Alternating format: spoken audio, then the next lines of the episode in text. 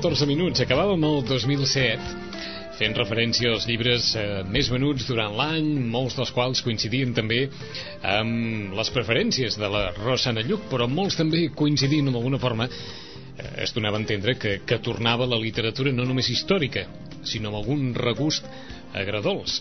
I el 2008 ha començat eh, més o menys així, a l'altre costat del fil telefònic hem de començar a fer referència a les novetats d'aquest any amb la Rosana Lluc. Rosana, bon dia i bona hora. Hola, molt bon dia. Eh, comença aquest any eh, més o menys com va acabar l'any passat, eh? des del punt Sí. de vista d'una- d'una literatura d'aquest tarannà, literatura històrica, més aviat ombrívola, per dir-ho així, no massa, no massa optimista, No, optimista, optimista no, no gaire. massa, eh? No massa. Optimista no gaire. Arturo Pérez Reverte amb el 2 de maig del 1808. Sí. El noi del pijama de ratlles que continua en els primers llocs de la llista de vendes. Eh, Vida i destino, com tots vostès saben, la, el retrat de la societat de la Unió de Repúbliques Socialistes Soviètiques durant la Segona Guerra Mundial. Potser el que es desmarca de tot plegat és el celler, no? Sí, exacte. Potser seria aquest, sí. Una mica també el, el de la mm, Matilde Asensi, Mhm. també, que seria més novel·la històrica centrada segle XVII, em sembla que és. Um, sí, potser serien aquests. Potser serien que- aquests, eh? Sí. I, eh, perquè si no, mil cretins, tornem a repetir, és el Monzó més agre, Mm. eh, i el món sense fi, Bé, el món sense fi com que se centra més en això, no? En catedral, Mhm. novel·la històrica i tal, potser eh, el que passa és que, esclar, mm, és, són períodes durs de la història, eh? Mirat des d'ara, són períodes durs, però sí, Mhm. potser, potser, clar, diguéssim que, clar, quan no hi ha tant... Potser les guerres més properes són les que ens fan més mal i no pensem que, que això és una constant en la història, Sí. no? Mhm. Però vaja, sí, com que se centra més en la qüestió catedrals, potser seria una altra mirada. D'acord, un èxit total, eh, però, un món sense un fi. èxit aclaparador eh? i segons els lectors que ens han arribat ja les seves impressions fins i tot millor que la primera part D'acord, doncs ja, ja està dit tot d'acord. Perquè des del punt de vista de dels que heu estimat els llibres sempre i sou lletraferits, eh, Ken Follett és un, és un escriptor de capçalera? bé, és que a mi aquest tipus de novel·les així saps, centrades molt històricament i Mm. em, que està, està construïda la trama més que novel·la històrica pura i dura eh, més com una trama de best-seller eh? és a dir, d'un llibre en el Ho, que ho dic per si, ho dic Eh? per si eh, Ken Follett no es podrà treure del damunt Mm, aquest, aquesta etiqueta aquesta etiqueta. Jo diria que no. D'acord. Jo diria que no, perquè a més a més fixa't què passa quan surt un llibre seu, és a dir, um, Sí, no, això està clar, eh? està clar, uh, a més a més l'èxit encara s'ha de dir que encara és molt més gran perquè és que malgrat que surtin les llistes de, ara de ficció català deu ser els que en tenien perquè la veritat que va ser del 28 de, va sortir el dia 28 de desembre. Va ser un èxit terrible el primer dia ja. Terrible vol dir terrible uh, fins al dia 4 de gener nosaltres hem de, hem de dir que el dia 5 um, costava trobar-lo aquell llibre perquè ja no n'hi havia imagina't, o sigui, només sortir de l'editorial l'editorial Mhm. es va quedar sense és a dir, no podia servir ni en català ni en castellà amb la qual cosa, clar, uh, depèn de la previsió que haguessis fet, doncs en tenies, no en tenies, D'acord, perquè de com, eh? aquesta era una edició feta a partir de la previsió que ens comentaves a l'últim dia, allò, exacte. amb, amb vull tants i l'editorial en serveix tants i si en Exacte, vols més... cosa, clar, Mhm. vol dir que en molt pocs dies s'ha venut tota l'edició. Que, que s'ha fet una edició molt gran? Sí, es veu que Sí. sí. eh? Es veu que sí. No donen dades, però igual se n'ha fet 100.000 en castellà. En català, pues, igualment 1.000. Eh? Però la reedició s'havia de fer de 10.000 i ja no s'ha fet de 10.000 sinó de 6.000 i en canvi perquè no ha hagut temps i ara torna a sortir una altra segona eh? o sigui una ampliació d'aquesta segona edició és a dir que déu nhi eh? Uh -huh. estem parlant de molts llibres en català, eh? Ah, a més, un llibre que té tantes, tantes planes, eh? Vull dir que no, no és un llibret, és un llibre, eh? allò que fa... Mhm. uh, que no et caigui el peu. Uh -huh. eh? En canvi, aquest 2008 comença i ens cridava una miqueta la- l'atenció, no Mm. és precisament de, de, dels inicis d'any en què la llista de llibres de ficció en català hi hagi més autors catalans, sinó que hi ha mm, bastantes més traduccions que no, que no obra pròpia, no? Sí, la veritat és que sí. Jo crec que per això ens haurem d'esperar fins al febrer. Uh, perquè ja saps que al febrer, com que surt tota la previsió de tots els llibres, bueno, de tots els llibres aquells, des de tots els Premis Sant Jordi, diguéssim, el Premi Sant Jordi, tots els de la nit de Santa Llúcia, diguéssim, tots els uh -huh. que es van donar, surten ara al febrer. Eh? Ja està previst, potser la darrera setmana de gener ja, ja apareixerà el Premi Sant Jordi, definitiva ha d'aparèixer al febrer, eh? en la qual cosa, clar, ja potser veurem que doncs, la gent ja té un pre, saps? Un pre Sant Jordi, en la qual cosa potser ja veurem més autors catalans a les llistes de, de ficció en català. Mm. D'acord, o sigui que, que, que això és conjuntural, eh? Sí, jo crec que sí, jo espero que sí, perquè, clar, són els llibres aquells que tothom potser espera més, en el sentit aquest, no?, de, de dir, bueno, a veure, el Premi Sant Jordi, no? Les senyoretes de Lourdes, del mm -hmm. Pep Coll, a veure, què farà, no? A veure, de, de què ens parlarà, no? Eh, clar, el finalista, doncs el Premi... Bueno, tots, diguéssim, no? Perquè ara, fins ara, doncs, clar, ha quedat una mica, no?, ha quedat tot una mica, no?, el passatger aquest de, de de Vallbona, ha quedat com a tot una mica, no? Uh -huh. Una mica light, esmorteït, eh? sí, és cert. Tot, I, tot... I sobretot la, la presència aquests dies, bé, fa dies ja, però com comentaves tu, la presència de Ken Follett a la catedral de Vitoria, sí, etc etc ha, estat, ha estat fulminant en aquest sí, aspecte. fulminant eh? totalment, eh? sí, sí, la veritat és que també és un moment que s'ha de dir que, doncs, com que tothom té una mica pressa, no sé si ho vam comentar, doncs, tothom va una cosa més segura, no? De dir, bueno, aquest segur que li agrada perquè li ha agradat l'altre. I llavors uh -huh. ja potser no hi ha tanta aquella estona de parar-se davant de la taula, mirar, remirar, i dir, ah, doncs aquest potser li agradarà més, no? Jo crec que el que, el que sobta més potser de la llista és que, a veure, que el Martí Gironell porti tantes setmanes sí. venent-ne tants. I, I és cert, eh? Vull dir, no uh -huh. és que allò que s'ho hagin inventat, I, no? I, re, I recordàvem, Rosana, sí. aquell Sant Jordi en què es va esgotar Martí Gironell, en què ningú, ningú pensava i es va parlar aquell final de Sant Jordi com a gran notícia del Sant Jordi que s'havia esgotat. Sí, sí, de que anava a a, a, als estants per signar ah, perquè això mateix. contractat i no podia signar. I no podia signar perquè no hi havia llibres i aleshores més d'un també pensava que això seria un fenomen mm. més o menys eh, temporal i, i resulta i, que, canvi, que, no. Que s'ha mantingut, eh? No, no, s'ha mantingut totalment, a més a més, eh? Vull dir que és allò que dius, bueno, ja no saps si posar-lo en aquesta taula, si deixar-lo, treure'l, uh -huh. perquè és un llibre que es va començar. I a més a més ara per Nadal se li va fer una edició especial, saps? Amb tapa més dura... Vull dir, una edició més d'obsequi, per dir-ho així. més d'obsequi i també eh, vull dir, es, es deia que això només seria ara, una edició especial només ara, i també, també, totalment, vull dir que... Uh -huh. és, bueno. I, I amb aquesta catedral del mar que bé hi va? Mm, bueno, bé hi va perquè és clar, no? Però no, se, no es deixa de vendre, eh? D'acord, això no em volíem preguntar, eh? Es continua venint la catedral del mar, però les llistes hi entra i surt, i entra i surt. Sí, entra i surt per això, no? Perquè, de fet, eh, també hem de dir, bueno, tu em deies, és, és un escriptor de capçalera, que Follen, el que se li ha de dir que, clar, ell no es pot treure l'etiqueta bestseller, però més que de bestseller se l'hauria de posar d'allò que dèiem, no? El long seller, no? Allò uh mhm. -huh. de llarga durada, eh? Perquè aquí el que no surt, si ho veus, clar, és l'edició dels Pilars de la Terra, que s'ha fet en castellà, s'ha sí. fet una edició especial, mm -hmm. eh, diguem-ne, adaptant la portada de, de l'edició en anglès, amb tapa dura, amb butxaca, mm, per eh, 9,95 euros, mm. és a dir que mm, molt bé de preu, i això ha estat un èxit total, eh? Però un èxit vol dir un èxit, eh? Un èxit. Vull dir que... Vols dir, hi ha, hagut, hi ha hagut molts lectors, Rosana, que, que han fet el, el doblet de, sí. de Ken Follett aquestes festes, sí? Sí, sí, perquè deien, bueno, escolta, jo el vaig llegir que me'l van deixar, que no sé què, o escolta, per, per, ja, ja em compro aquest, ja em compro aquest, no? I molta gent que demanava que va sortir en català i que no hi és en castellà, el PAC, és a dir, un PAC en el que hi hagués el, els Pilars de la Terra uh mhm. -huh. i, la, i el Món sense fi junt els de català ho van fer, van fer poquets, eh, també s'ha de dir, en va fer poquets, i en canvi els de l'editorial en castellà mm, no ho va fer. Jo diria perquè és que ja en té bastants fets amb una, i, i no són del mateix tamany, saps? No, no, no, no guarden la mateixa això, i llavors, clar... Mm, Era, era no, més difícil no poder fer, d'acord. Perquè hauríem de fer una altra vegada. Eh? Els de català, en aquest cas, com que el tenien del mateix tamany, doncs ho han pogut fer. Uh -huh. eh? Vull dir, una previsió, també, veus? No, no sé si n'havien si parlat o no. Hi ha versió catalana de Firmin? De Firmin sí, acaba de sortir. Acaba de sortir? Acaba de sortir. D'acord, és que ara ens, eh, ens extranyava no veure-la. Eh, perquè acaba de sortir, és que és massa recent, potser. Eh? Però s'està venent, eh? D'acord. S'ha de reconèixer, s'està venent, potser sortiran les llistes un dia d'aquests ja, perquè, és clar, mmm, s'està venent i, i sí, ha sortit en català, publicat per columna. Eh? Uh -huh. Vull dir, o sigui que qui hagi escoltat coses bones a l'entorn de Firmin, entre elles les de la Rosana, sí. que i ho vulgui llegir en català, la versió catalana ja és a les llibreries, per tant acaba de sortir. Acaba de sortir, Firmin en català. I em sembla que poca cosa més ha canviat a les llistes del, dels llibres més venuts. Eh, la veritat és que sí, sí.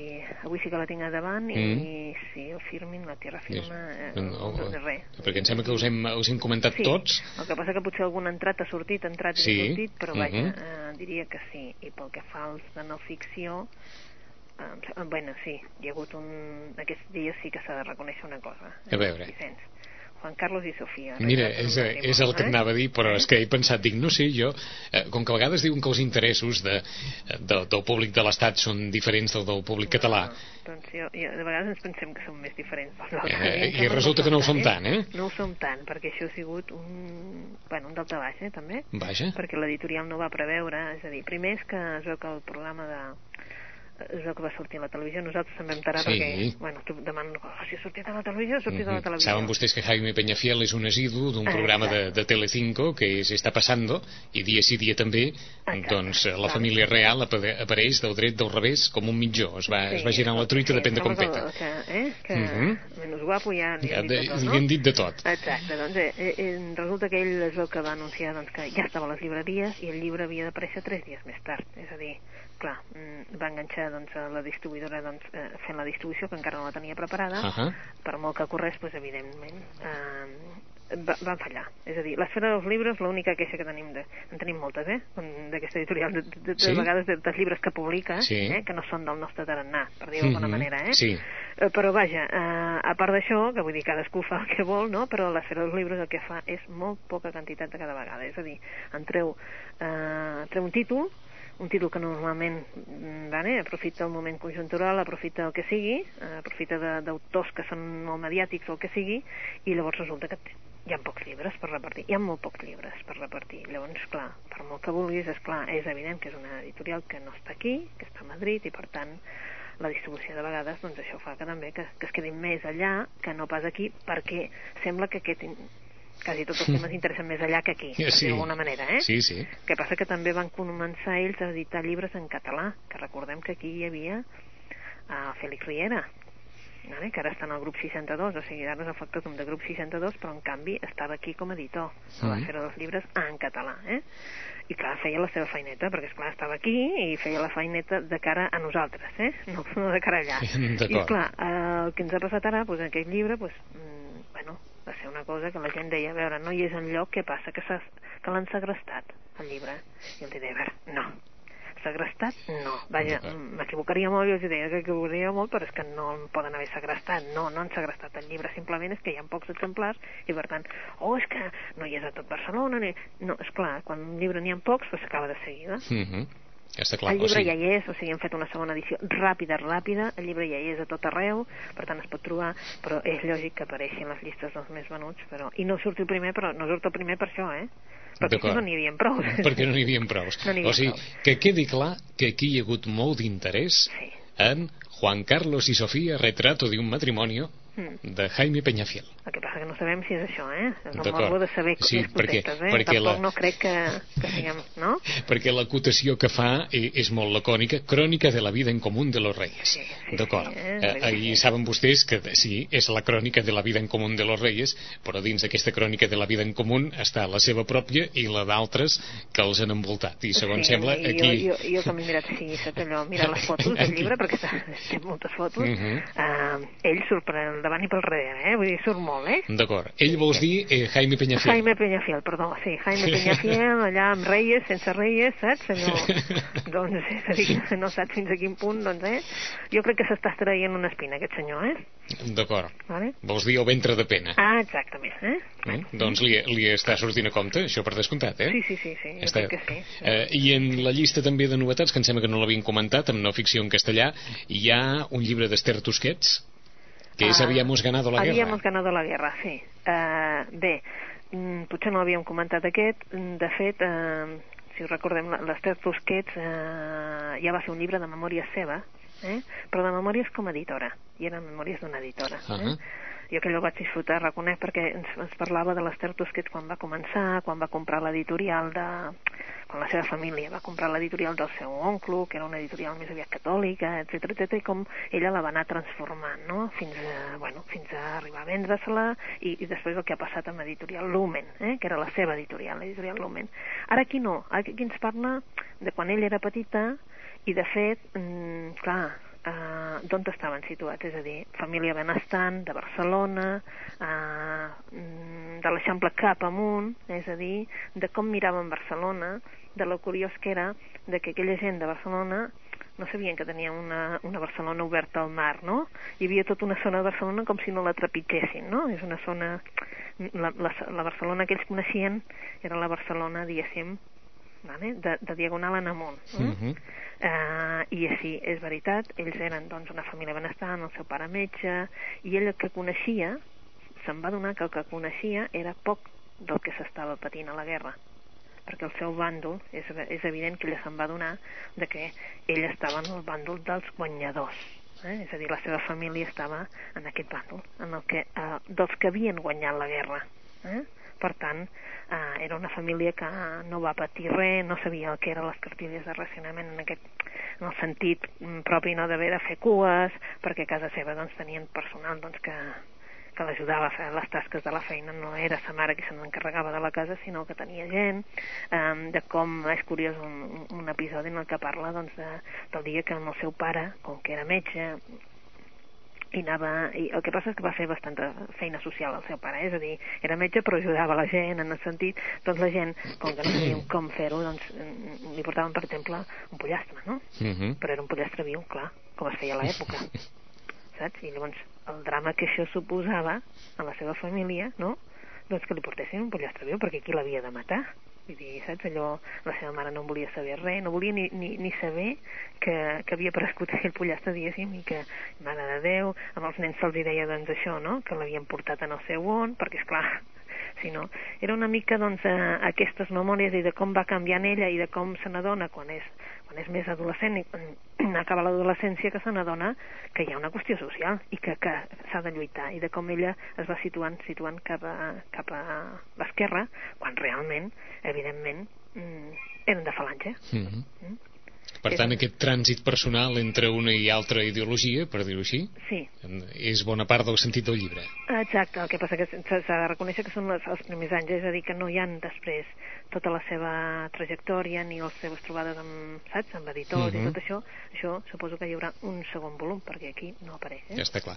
Abans de passar les novetats, el llibre de Jordi Pujol també en plena forma? En plena forma, sí, perquè es va exaurir i ha tornat a sortir, torna a estar a les llibreries i per tant en plena forma i suposo que ara que doncs no, Perquè no, no li toquin d'ell, però... no es mou de la primera posició, eh? Sí, sí, sí, sí, sí, és que la veritat és que eh, eh, és curiós, no, no sé si ho hem comentat que és curiós, no?, perquè no toca els seus anys Sí, realment sí, el, polítics, els, eh? els, els, diguem-ne, els que segurament despertaran encara més expectació. Clar, i, i en canvi, vull dir, té assegurat un, unes segones memòries, vull dir, està claríssim que ens Sí, ha sí. d'explicar la part política perquè, Mhm. sí, perquè realment ha sigut una edició que s'ha venut molt, eh? D'acord. La llista d'assaig en català, déu nhi eh? Però Jordi Pujol, Mhm. eh, en, després Soc Perico i què de Manel Lucas, després Converses amb Xavier Sala i Martín, a Sí. continuació El laberint de la felicitat i El secret, és a dir, dos llibres, diguem-ne, de- d'introspecció personal entorn Sí. de la felicitat, etc etc. Democràcia sang freda de David Madí, eh, fem un parèntesi, Mil testimonis sobre Barcelona de Lluís Permanyer, o sigui que el cronista gairebé podríem dir oficial de, eh, de la ciutat, eh, però després el sí advocat de Miquel Roca Junyent, que també ha estat un llibre molt venut com ens, com ens has dit sempre, no? O sigui que eh, la, la vida política actual també Interessa, desperta eh? molt interès, eh? Sí, interessa, eh? Està clar que, fixa't una altra vegada, tornem a comentar que no n'hi ha ni un de cuina, eh? No, ni un.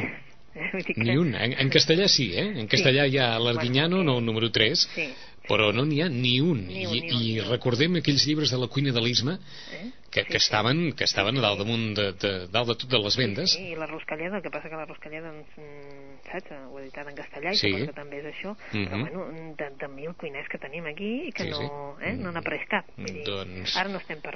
Eh, No estem per cuines, eh? No, estem per, no hi ha ni no la estem cuina... per tenir entre ple, sinó, eh, Mhm. allò, no, hi ha, coses. no hi eh? ha ni la cuina de l'Isma a la llista ni la cuina de l'Isma a TV3, o sigui que No, no, res, ni, ni una no cosa... hi res. El que pot canviar d'un Sant Jordi a un altre Sant Jordi, Sí, eh? eh?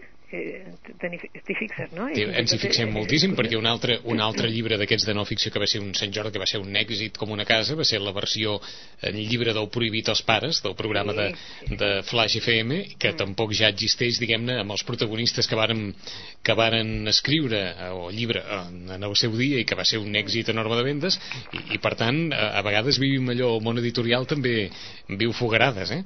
Sí, sí, vull dir que totalment...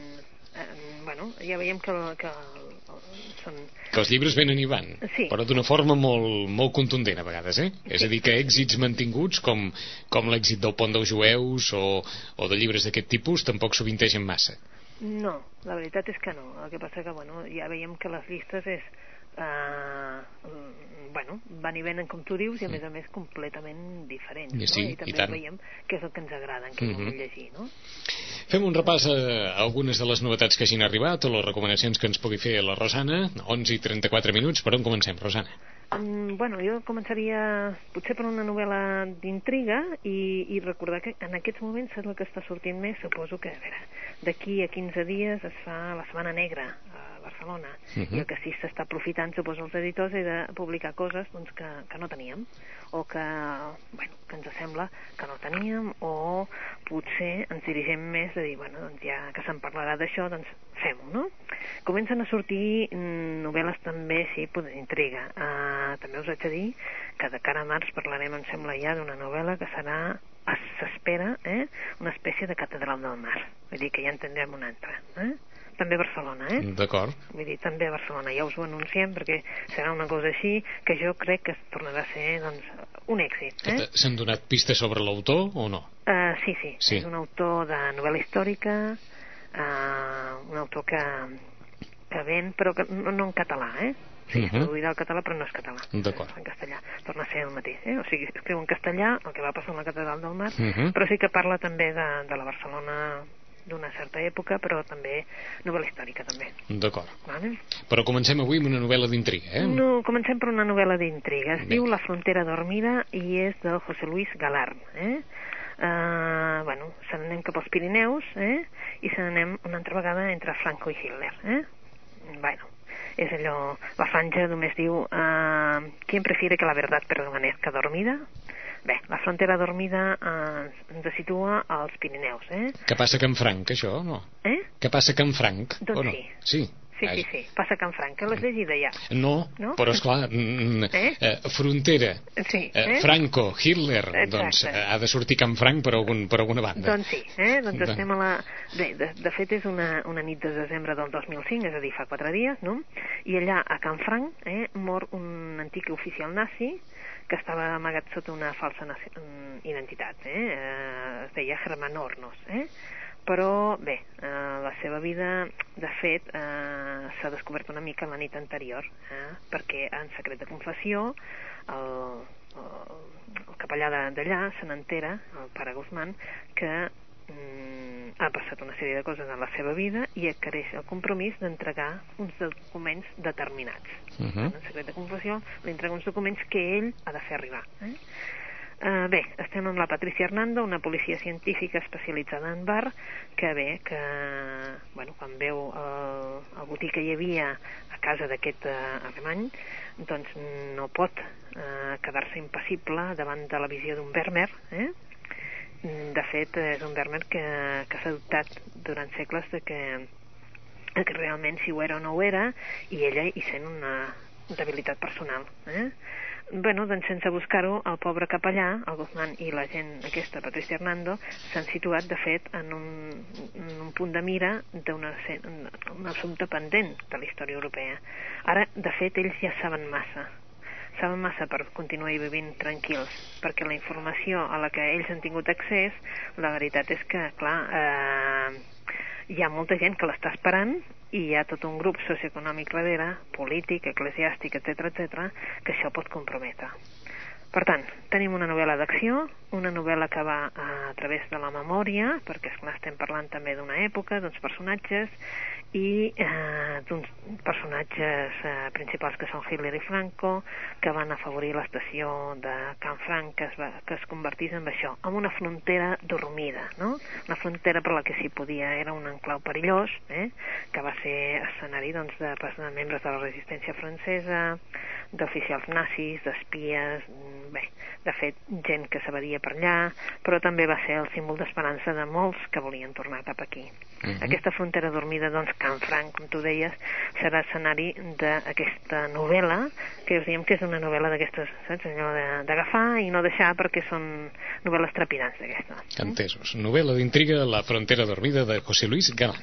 Mm. Per on seguim? Seguim, doncs, per el que us deia, uh, per novel·la policiaca. Anem a posar la novel·la policiaca uh, perquè surten, alhora han sortit dues novel·les d'un mateix autor uh, a Tusquets, una d'elles ja estava publicada i l'altra estava publicada però en català, és a dir, Notícies de la Noche i L'accionista majoritari són les dues novel·les de el Petros Marcaris, que comença a editar ara Tusquets, que ja ens posa un dibuixet de lo que seria el personatge principal, que és l'investigador, el policia Costas Jaritos, i el Costas Jaritos eh, el que fa mm, doncs és eh, seguir la trama en cada un dels, dels llibres. Notícies de la noche ja estava publicada fins i tot en butxaca, uh mhm. -huh. però el que fa ara Tusquets és recuperar tota la col·lecció, és a dir, que el que anirà és publicant totes les obres d'aquest autor ja ens ho diu, que fa la col·lecció Costes Jaritos. Eh?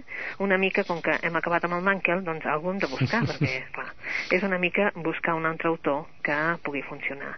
És curiós perquè aquest que us dèiem, Notícies de la Noche, ja estava publicat, i per tant, deixem-ho a part, però l'accionista majoritari fa només potser un cosa d'un mes, potser dos, eh, es va publicar en català per l'editorial Pagès. Es deia L'accionista principal, es diu, vaja, l'accionista principal. Ara ens surt en castellà l'accionista majoritari i ja us diem que és una novel·la d'acció, però és una novel·la en la que, bé, el que té protagonisme és dos temes principals, el terrorisme i, el model, eh, i els models de, de models de les persones que fan de model per anuncis publicitaris, al món de la televisió, al món uh -huh. de la, de, de la, la moda, etc etc. -huh. Mm? Sí, ens situem amb el Costas Jaritos eh, rep un, una, una, una notícia terrible eh, és un vaixell, un vaixell ha estat segrestat per un comando terrorista. No se sap res més. No se sap ni a qui pertanyen, ni en qui, eh, ni si demanen rescat, si no demanen rescat, però és que resulta que a part dels nervis que pugui tenir perquè acaben de segrestar un vaixell, és que resulta que la seva filla, la Caterina, viatjava cap a Creta amb aquest vaixell precisament. És a dir, que hi ha també un tema personal. Eh, la vida de tots els viatgers corre perill, perquè no se sap absolutament res d'aquests terroristes, no se sap ni si són txetxens, ni si són vinculats al Qaeda, res absolut de moment. Mm, clar, és angoixós per ell i a més a més, què pretenen fer amb aquest vaixell? Uh, uh, diguéssim, destruir-lo amb tots els vaixells dintre perquè demanar qualsevol cosa? No sap res, però a més a més resulta que el Charitos el que estava és investigant un altre cas, el cas d'un model publicitari que treballava fent anuncis per la televisió i que ha prescut mort. Eh? El comissari, doncs, eh, haurà de tenir molta sang freda perquè ha de...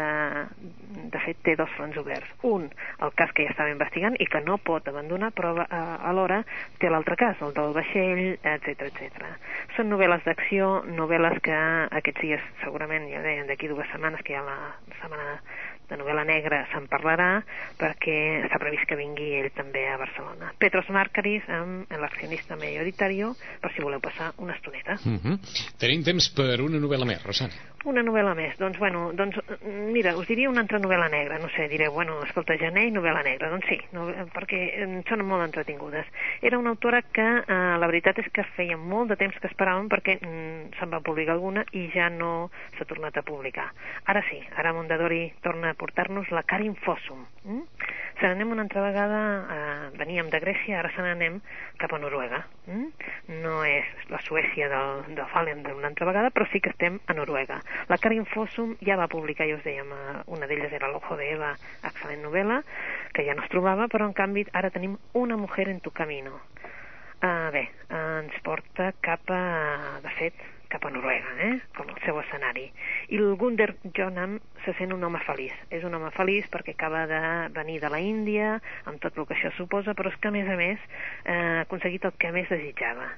Una, una dona, és a dir, s'ha casat amb una, amb una dona índia, és molt jove, és meravellosa, ho té tot, de fet, però encara no, no ha arribat però és que el destí es pot torçar en qualsevol moment i el dia que ell havia d'arribar a Noruega doncs desapareix totalment, sense rastre, no tenim rastre d'aquesta dona, però poc després el cos d'una dona estrangera apareix eh, mutilat a les afores del poble.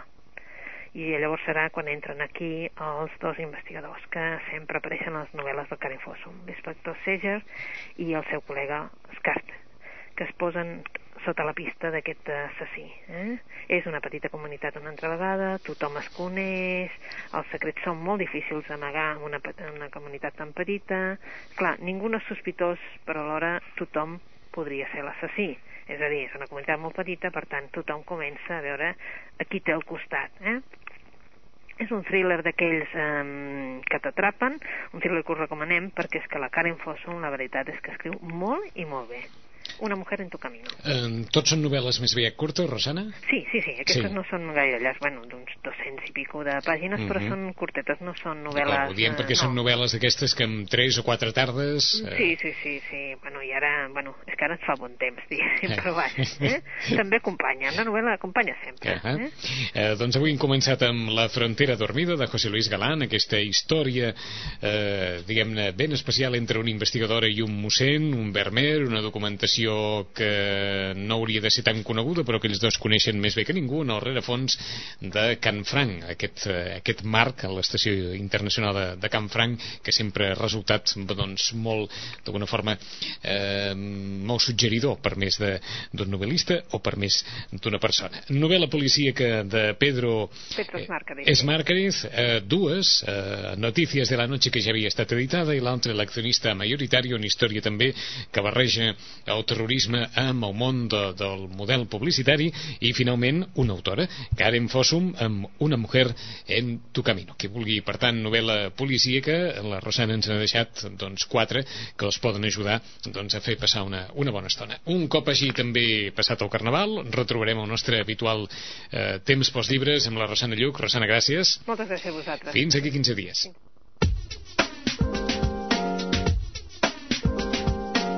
Ràdio Maricel, al 107.8 de la freqüència modulada.